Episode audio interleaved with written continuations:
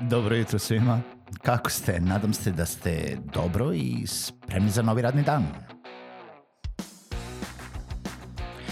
Pozdrav svima i dobrodošli na podcast Male pobede, stari novi podcast koji, well, koji je tu da bi vam kroz pitanje i savete dao motivaciju, pokrenuo vas u pozitivnom smeru i pomogao da ovaj dan počne bolje, jače i možda čak i zabavnije. Moje ime je Željko Crnjaković.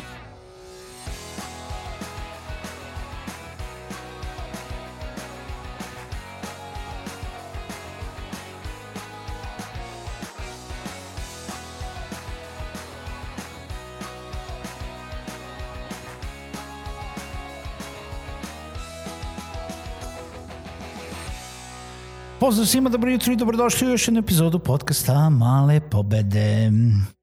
E, pa, ja uvijek hoću da vas pitam kako ste ujutro, ali zapravo, jel kao što sam rekao i u prethodnoj epizodi ili nekoj od prethodnih epizoda, nikad nisam siguran um, da li vi slušate ujutru, uveče, u podne, noću.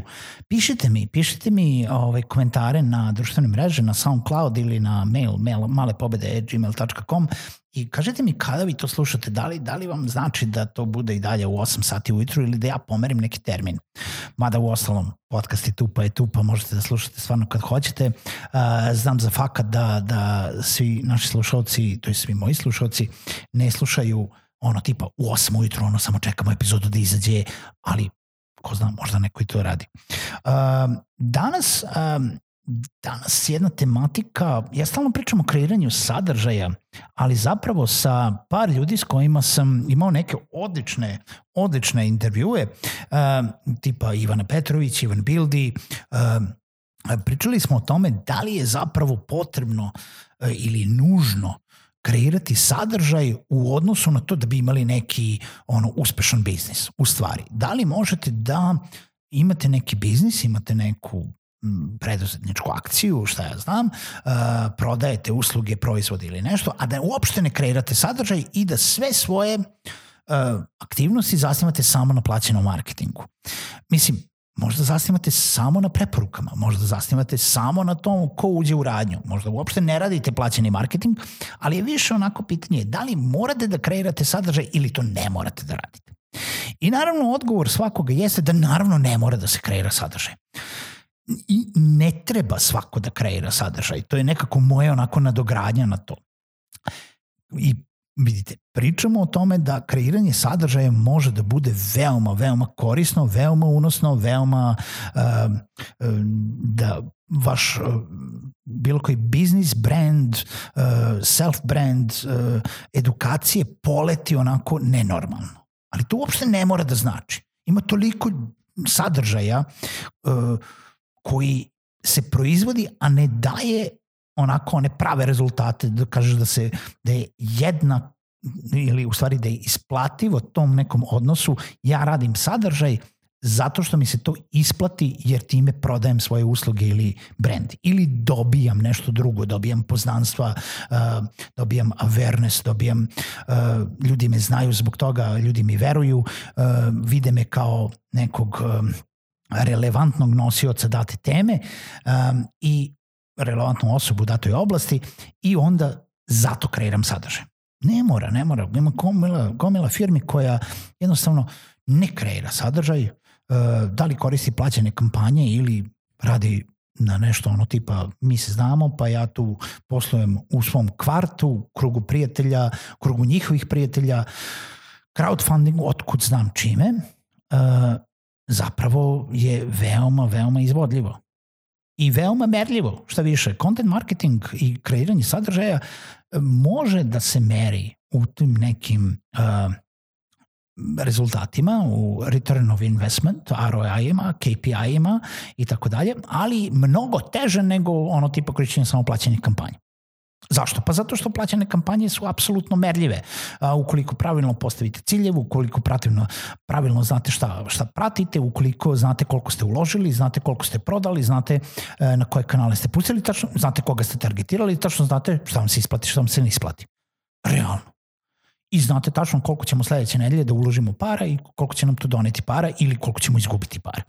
Mislim, mnogo je... E, predvidljivije nego kreiranje sadržaja koje ćemo, eto sad mi sad ćemo kreirati sadržaj, pa ćemo mi tu graditi neku publiku, pa će ta nas publika da prepozna, pa će ona možda da bude zainteresovana, pa možda ona neće ni da kupi, nego ćemo a, da, da računamo da će oni nekome da kažu nešto, pa će taj neko da bude zainteresovan, pa će taj neko da dođe, pa će onda na kraju da, ovaj, kako se zove, da kupi od nas a možda nije ni cilj da kupi, nego će nas prepoznati pa će nas možda zvati negde, negde nekad da pričamo na nekoj konferenciji. Pa ćemo na toj konferenciji od te priče da prodamo nešto i onda to sva neka lančana reakcija.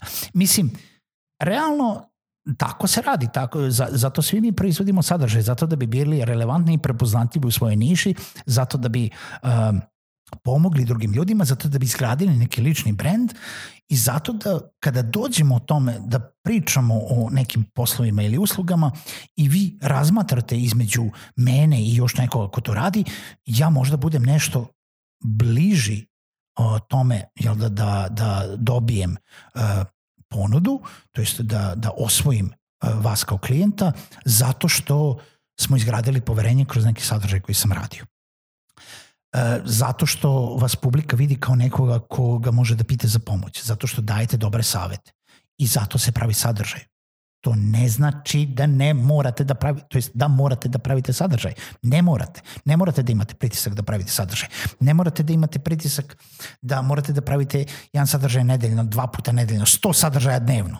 Ima, ima saveta koji su rekli da morate da izbacujete, e, ne znam, 100 postova nedeljno, pa jeste vi normalni. Mislim, tu, ako to radite, onda znači da nemate vremena ni za što drugo. Ničim drugim da se bavite i verovatno je taj sadržaj krš. Pričali smo već o tome da li mnogo glupog, malo efektivnog sadržaja, epic sadržaj naspram glupi sadržaj u odnosu na kvantitet mnogo malo srednje. Naći ćemo, ne, pogledajte epizode do dve nedelje unazad. Pričali smo već o tome.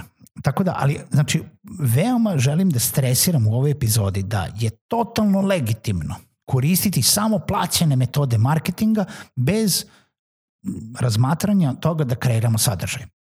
Da vam ispričam jednu priču. Pre sedam godina sam radio za uh, inostranu kompaniju kao projekt manager, posle toga kao prodaja, kao gomila stvari osim marketinga, gde se ceo marketing ceo marketing zasnivao samo na email marketingu i to na spamovanju. I verovali ili ne, email marketing u spamu funkcioniše, pogotovo na inostranom tržištu. Mi pričamo vremenu pre 7 godina bez GDPR-a, bez, ne znam, tu sad nekih drugih ovaj, uopšte ne pričam da li je etički ili nije, ajde zboravimo to, nego sa, samo na email marketingu i to je funkcionisalo. E sad, problem te firme je bio što je on koristio neku email listu koju nije obnavljao, koja nije bila organski sastavljena, koja je za divno čudo prodavala te stvari, ali ništa drugo nije rađeno e, naredne tri godine. Nego je samo vrćeno e, milion mailova, o, to jest milion jel da, usera kroz mailove e, i svako je kupio kad je jel da, dobio neku se, sebi ono, digla mu se obrva da, da, da kupi taj proizvod. U jednom momentu je to sve presušilo. U jednom momentu je e, počela da se cedi ono, suva drenovina zato što ništa drugo nije rađeno. I onda odjednom bilo kao treba nam sadržaj, treba nam sadržaj. Ne, ni onda ti ne treba sadržaj, samo si treba da koristiš neke druge liste, možda si treba da odeš na Google Ads, možda si treba da odeš u neke druge plaćene kampanje. E, jednostavno, trebao si da promeniš nešto, nisi mogu da cediš tu ono tipa jednu listu, brate mili, ko je kupio, kupio je, posle toga ko nije kupio neće da kupi i to je to, nema sad zoveš jedan broj pet puta ili hoće ili neće. I ne, ne isplati ti se zoveš 50 puta. Zapanjujući, negde se isplati, ali i onda ne može da ide u nedogled. A, nije bilo rešenja da se ode u kreiranje sadržaja. Bili su pokušaji za to, ali jednostavno uh, na silu kreirati sadržaj je jako teško. Treba da kreirate sadržaj samo ukoliko stvarno vidite vrednost u tome. Stvarno želite da pomognete drugim ljudima. Ne kao ja ću da kreiram ovu epizodu podcasta zato što ja merim da po ovoj epizodi podcasta ću dobiti tri nova klijenta ili 0,3 klijenta. Pa ću na tri epizode ili četiri epizode da dobijem jednog novog klijenta. Ne. To se ne meri tako. To ne možete tako da merite. Ako može, svaka mu čast, ali to u 99% slučajeva ne ide tako. Vi kreirate sadržaj zato što želite da kreirate sadržaj, zato što želite da imate odnos sa vašom publikom, zato što želite da pomognete drugim ljudima sa tim savjetima i sa kreiranjem vašeg sadržaja i da podignete brand lični ili vaše kompanije. Radite plaćeni marketing zato da bi prodali konkretnu uslugu ili proizvod. Ako od content marketinga dođe klijent, još bolje imamo nešto na što možemo da se oslonimo u momentima kada plaćeni marketing ovaj, ne funkcioniše kako treba. Tako da svakako treba da kombinujete. A da li možete bez kreiranja sadržaja? Možete sigurno. Da li treba da kreirate sadržaj? Samo ako želite. Mala pobeda za danas, izaberite koja opcija je za vas. Čujemo se u narednoj epizodi.